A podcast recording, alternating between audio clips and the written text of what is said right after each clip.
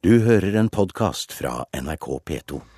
Programleder Bjørn Myklebust har kommet inn sammen med helseministeren, som i dag skal fortelle hva han forventer av norske sykehus. Hva er Jonas Gahr Støre sin største utfordring? Sykehusene eller bortskjemte nordmenn?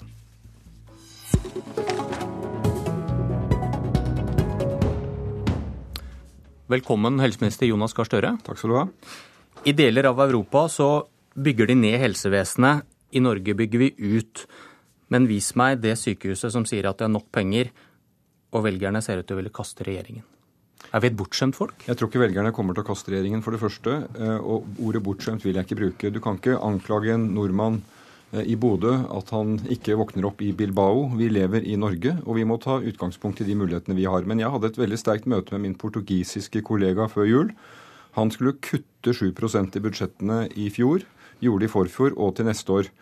Og vi snakker om å fordele vekst. Det er fortsatt ganske unikt i Europa. Eh, Så det kan vi kanskje ta med oss når vi diskuterer fordeling av de ressursene vi har. Har du forsøkt å si til en misfornøyd lege eller pasient vet du hvor heldig du er? Det syns jeg ikke hører hjemme i å snakke på den måten, men vi kan jo snakke om internasjonale erfaringer. Veldig mange i helsebransjen følger godt med ute. Mange av dem har jobbet ute og ser det. Så den type tilnærming med å snakke til folk som du gjør til misfornøyde unger, det er iallfall ikke min eh, stil i politikken. Jeg tror ikke det motiverer til, eh, til godt arbeid og godt samarbeid. Du, Er det mange som behandles på norske sykehus du mener ikke hadde trengt behandling? Ja, det tror jeg. Jeg tror det finner sted overbehandling og for mye behandling. Hvem, hvem er dette? Ja, jeg kan jo ikke peke på enkeltpersonen, men jeg tror det at vi kan ta uh, innsats mye tidligere. Før du kommer på sykehus. Når du kommer på sykehus, så er det jo stort sett alvorlig. Eh, og at eh, ideen med denne samhandlingsreformen er å oppdage tidligere det du måtte ha av en psykisk plage eller en fysisk plage. Den reformen er i gang, men den må vi jobbe videre med. Fordi det er ikke et mål for et helsevesen å behandle flest mulig på sykehus, kanskje snarere tvert imot. I dag skal helseministeren lede møte med helseforetakene for første gang. og Betyr det noe? Ja, det syns jeg det gjør. Altså, dette er jo det årlige møtet med de fire regionene, og jeg skal lede det møtet. Det er første gang helseministeren gjør det. Det har loven nå lagt opp til. Og det er for å sende et veldig tydelig signal.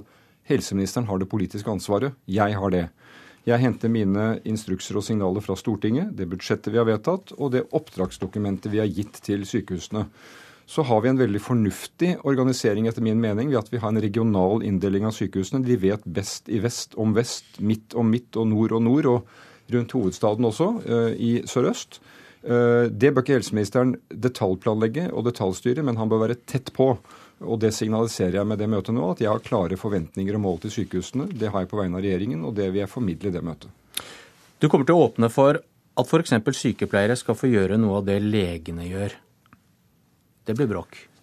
Jo, nå har du tatt ut en liten del av, av, av det jeg peker på om at vi må organisere arbeidet i sykehusene på en måte som svarer til de behovene, de oppgavene vi skal løse. Vi har opptil 30-40 forskjellige profesjoner og grupper i sykehusene. Det er jo en veldig styrke for sykehusene, fordi at det er flinke folk.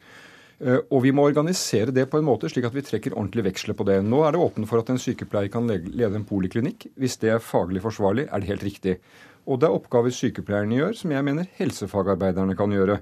Jeg skal ikke sitte som øh, en ikke-faglært person og bestemme det, men jeg kan se at sykehusledelsen og de som jobber der, bør kunne sette sammen team på nye måter som er helsefaglig forsvarlig, og som svarer på det behovet pasienten har. For jeg tror vi ser på helsebildet framover at vi kommer til å komme inn på sykehus med mye mer sammensatte lidelser. Ikke-smittsomme sykdommer, livsstilssykdommer, som krever at vi samarbeider på en ny måte i sykehuset. Det er det jeg forsøker å løfte fram. Men er det en svak spådom at eh, det blir bråk hvis, eh, hvis legene får beskjed om at noe av det dere har gjort, det kan nå sykepleierne gjøre? Altså, det har vært ganske steil profesjonskamp? Ja da, men det er en litt sånn tradisjonell måte å tenke på at vi har profesjonskamp. Jeg har besøkt mange sykehus, og jeg har alltid lagt vekt på å øh, møte de tillitsvalgte alene uten ledelsen.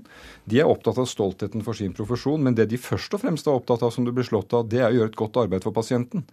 Så dette tenker, tenker ikke jeg som en konfliktsak. Jeg tror vi kan kunne løse det. I forhold til legene så sier jeg i dag at et etablert system med kvotefordeling av leger på norske sykehus, det vil jeg avskaffe. Det mener jeg er en veldig rigid måte å bruke den utrolig viktige ressursen legen er, slik at et sykehus som trenger å ansette en ny lege I dag har vi nok leger i Norge til at sykehuset kan gjøre det hvis de har økonomi til det. Det er noe som legene er veldig opptatt av, og jeg tror at Eh, de forslagene jeg kom med klokka ti i dag, og det er mange, de er ikke rettet mot noen profesjon. De er rettet for sykehusene og for pasientene. Hvorfor kommer det nå? Dere har sittet snart i åtte år. Er dette problemer som har dukket opp de siste åra? På de åtte årene så har vi altså fått orden i sykehusenes økonomi. Eh, fra et økonomisk kaos til balanse nå i alle regioner. Vi behandler flere pasienter enn før, bedre resultater enn før. Så det er gjort utrolig mye bra arbeid. Jeg har vært helseminister i litt over fire måneder. Jeg har sett og erfart på denne tiden, og dette er tidspunktet for å møte de fire regionene. Det står i kalenderen. Og før det møtet så gjør jeg det noe som heller ikke mine forgjengere har gjort. Jeg holder en offentlig tale om sykehus, og det var anledningen for meg til å komme med disse forslagene. I 2005, da dere overtok, så hadde rundt 70 000 privat helseforsikring. Nå er det over 350 000. 20% flere private helseforsikring i fjor, skriver Dagens Næringsliv i dag. Er dette et sykdomstegn for politikken du står for? Du, egentlig ikke. Jeg har veldig mister ikke nattesøvnen av det. Eh, 330 000 av dem er tegnet gjennom bedrifter. Det er lov å gjøre, eh, og det er veldig, veldig få mennesker som gjør dette individuelt. Eh, jeg vil ikke moralisere om det. Altså Folk har penger til det, bedrifter har penger til det. De Men du liker det ikke? Vel, altså Jeg tror at den viktigste helseforsikringen din er folketrygden. Hvis vi går til disse forsikringsutbetalingene, så tror jeg de representerer 0,14% av det som betales ut ved de store sykehusene. Så de virkelig store, viktige oppgavene, de er det fortsatt de flotte fellesskapssykehusene vi har, som står for. Fordi at et sykehus det er en stor helhet, en komplisert arbeidsplass som skal gjøre veldig mange funksjoner for at du skal kunne få et godt tilbud. Så det at disse forsikringene kommer, som jo uh, Høyre og Fremskrittspartiet vil gi skattelettelser til, uh, forsikringene, det har vi avviklet. Men at det eksisterer, det får vi leve med, og jeg har ikke noe moraliserende å si om det. Det finnes vel ikke noe fasit på hva som er et godt offentlig tilbud. Der, der, der er dere uenige. Men, men disse tallene beviser vel en mangel på tillit, gjør det ikke det? da? Nei, men det, det, beviser jo litt en utålmodighet. at uh, I en bedrift så vil de være veldig sikre på at hvis folk blir syke av noe som ikke er altfor alvorlig, kommer de fort tilbake i jobb. Det er jo vi opptatt av også. Jeg ser at en god del av disse forsikringene som da sier at uh, jeg brakk armen og så fikk jeg rask behandling istedenfor å stå i kø. Hadde du gått inn på det offentlige opplegget, sett på fritt sykehusvalg, benyttet raskt tilbakeordningen, så kunne du fått like rask behandling i det offentlige. Det du sier nå er at bedriftene kaster bort penger på disse ordningene? Nei, jeg bare sier at de bør tenke nøye gjennom hvordan de bruker dem, og de bør sette seg inn i hvordan de offentlige ordningene er. Men jeg kommer til å vise forståelse for hvert frustrerte menneske som opplever at de har ventet for lenge. Jeg vil ha ventetidene ned. Eh, og jeg har forståelse for at en som opplever at eh, min lidelse bør behandles veldig fort, eh, syns det tar tid. Men vi har altså rekordmange behandlinger, og de som har behov og ikke kan vente, de må stort sett ikke vente. Og det er få land som har det så bra som vi har det her. Men det høres ikke ut som du har tenkt å ta noe grep for å, å komme, for, for, å hindre dette. her. Fører det ikke, som noen påstår, da, til en, til en todeling med de som har jobb, eller eventuelt har råd da, til å tegne en forsikring. Og så er det de andre da, som må, må vente. Det er vel 71 dager som er snitt i ventetid. Ja, og vi vil ha det ned til noen og 60. Men altså, som sagt, har du akuttbehov, venter du ikke. og Har du stort behov, så venter du lite. Min strategi eh, for å gjøre noe med det, er å gjøre det offentlige sykehuset enda bedre. Og de forslagene jeg kommer med i dag, er en lang rekke tiltak som skal gjøre at vi kan forsvare den posisjonen offentlige sykehus har. Da må vi jobbe på nye måter tenke på nye måter og utnytte det store potensialet som de flinke menneskene der er. Og vi må utnytte utstyret. Tenk på det, programleder. Her står utstyr og teknologi ubrukt store deler av døgnet. Det er ting jeg mener vi må se på for at vi kan gi deg og meg den tilliten at vi har et veldig, veldig godt helsevesen. Og så skal vi huske på det. 85 av oss svarer i undersøkelser at vi er fornøyd med sykehusene. Det står jo litt i kontrast til hva du noen gang ser på førstesiden av avisen. Noen er ikke fornøyd. Høyre vil at alle med behov for hjelp skal kunne gå dit det er ledig kapasitet. Privat eller offentlig, men staten betaler. Og det høres jo effektivt ut. Ja, men det er et forslag jeg er veldig imot. For det det betyr, det er altså at vi skal ha et offentlig finansiert oppstart av private sykehus det er at du uansett om du har et stort eller lite behov, kan gå rett til en privatklinikk som kan opprette spesiallagede tilbud eh, for den lidelsen, og det offentlige betaler. Og de pengene kommer fra et sted. De kommer fra sykehusenes budsjett. Ja, Men gjør det noe da, hvis det, hvis det løser køproblemene? Ja, men Det kommer ikke til å løse køproblemer. Det kommer til å føre til enda mer overbehandling, flere MR, røntgen, som ikke er nødvendig. Det kommer til å føre til at de offentlige sykehusene blir sittende igjen med kompliserte, sammensatte lidelser. Og en ting til. Da underkjenner vi hvilken helhet det er å drive et sykehus. Det er nemlig ikke bare behandling og operasjon eh, som foregår der. Der foregår det utdanning, opplæring, forskning. Viktige oppgaver som skal til for at vi får dyktige helsefolk. Og de sykehusene må også ha anledning til å prioritere. Hva er det viktige, hva er mindre viktig. Og med dette opplegget Høyre har, så vil vi si at alle som da har et behov, stort eller lite, kan gå rett til et privat klinikk for å få det operert det offentlige betaler. Men flere, flere, ville blitt behandlet, det innrømmer du selv om det ville blitt litt dyrere? Nei, jeg, jeg, jeg innrømmer ikke det. Jeg er jo jeg har ikke noe prinsipielt imot at vi samarbeider med private. Vi kjøper 10% av sykehusbudsjettet går til å kjøpe tjenester fra private. Men det avgjørende er det er det offentlige som prioriterer ut fra det vi kaller en prioriteringsveileder, som sier noe om at den som trenger hjelp først, skal få hjelp først. Og Det tror jeg er et viktig prinsipp også fra et eh, demokratisk perspektiv. Til slutt, Jonas Gahr Støre, hva er målet på om du lykkes som helseminister? Ja, Det er ikke bare å lykkes med sykehus. Det er ikke et mål for uh, godt helse i landet at vi har mange sykehusinnleggelser. Snarere tvert imot. Jeg tror at målet for meg er hvis jeg klarer å få satt en ordentlig dagsorden, dagsorden om betydning av folkehelse, forebygging og samarbeid mellom kommuner og sykehus, slik at du som pasient og jeg som pasient blir sett og får den hjelpen vi trenger. Målet for meg er å få løftet fram grupper som rusavhengige, som trenger behandling, de med psykisk lidelse som trenger behandling, de må bli sett av sykehusene, men også av hele dette lange rekken av helsetjenester i kommunene. Samhandlingsreformen er på en måte det som oppsummerer den ambisjonen. og jeg håper at jeg skulle få tatt den et viktig skritt videre. Du kunne svart at målet er at jeg er helseminister i oktober?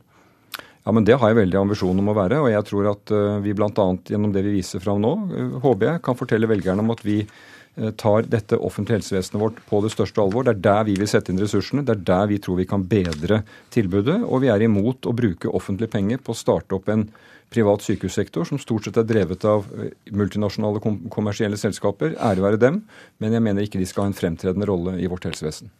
Takk for at du kom, Jonas Gahr Støre.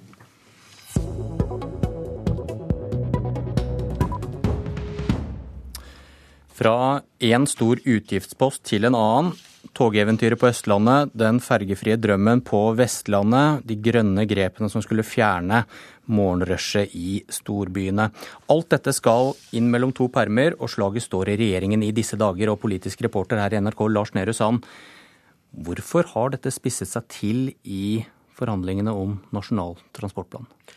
Det har de siste dagene og ukene spredd seg en slags frykt for at eh, klimameldingen som regjeringen la frem i fjor, ikke skal følges opp i Nasjonal transportplan. At eh, andelen eh, satsing på vei blir for stor, og at intercity-satsingen, altså denne store togutbyggingen på Østlandet, ikke blir tidfestet sånn at man forplikter seg til å få effekt av de klimakuttene det ville stått for, tidsnok. I tillegg så er det et problem med å skru sammen disse bypakkene som storbyene skulle få for å redusere trafikkmengden, eh, sånn at eh, man også der kan sannsynliggjøre et, et konkret eh, CO2-grep. Og for regjeringen nå å legge frem en, en transportplan som vil bli avslørt med at klimameldingen ikke følges opp, det blir sett på som et stort problem. Hvor står slaget om det du nevnte intercityplanene på Østlandet? For disse utregningene ble jo ble slaktet denne uken her. Ja, Man har en eh, vedvarende diskusjon om det man kaller indre eller ytre ring. En, eh, man vurderer å ikke bygge intercity til Skien, Lillehammer og Halden, men nøye seg med Tønsberg, Hamar og Fredrikstad. Man ser også på løsninger med å bygge deler av strekningene med, med lavere hastighet, og, og differensiere, som det heter på fint, eh, hastigheten veldig. Eh, så det gjenstår å se. Og så er det også mange som vil prioritere Oslotunnel fremfor eh, intercity. Hva med pengediskusjonen? Arbeiderpartiet vurderer å bryte et eget landsmøtevedtak om prosjektfinansiering. Man jobber fortsatt veldig hardt med å finne eh, forutsigbare måter å finne penger på som ikke er eh, offentlig-privat samarbeid eller lånefinansiering, som er uaktuelt for statsministeren. Men man trenger noe eh, mer flerårig måte å bevilge penger til store, kostnadskrevende samferdselsprosjekt. Og når kommer Nasjonal transportplan? Ja, Stortinget må vedta den før sommeren, og regjeringen har sånn sett god tid på seg. Det, ikke, det står ikke om denne uken her, men eh, målet nå internt er å legge den frem i begynnelsen av mars. Takk for det, Lars Nehru Sand. Politisk kvarter er slutt. Jeg heter Bjørn Myklebust. Du har hørt en podkast fra NRK P2.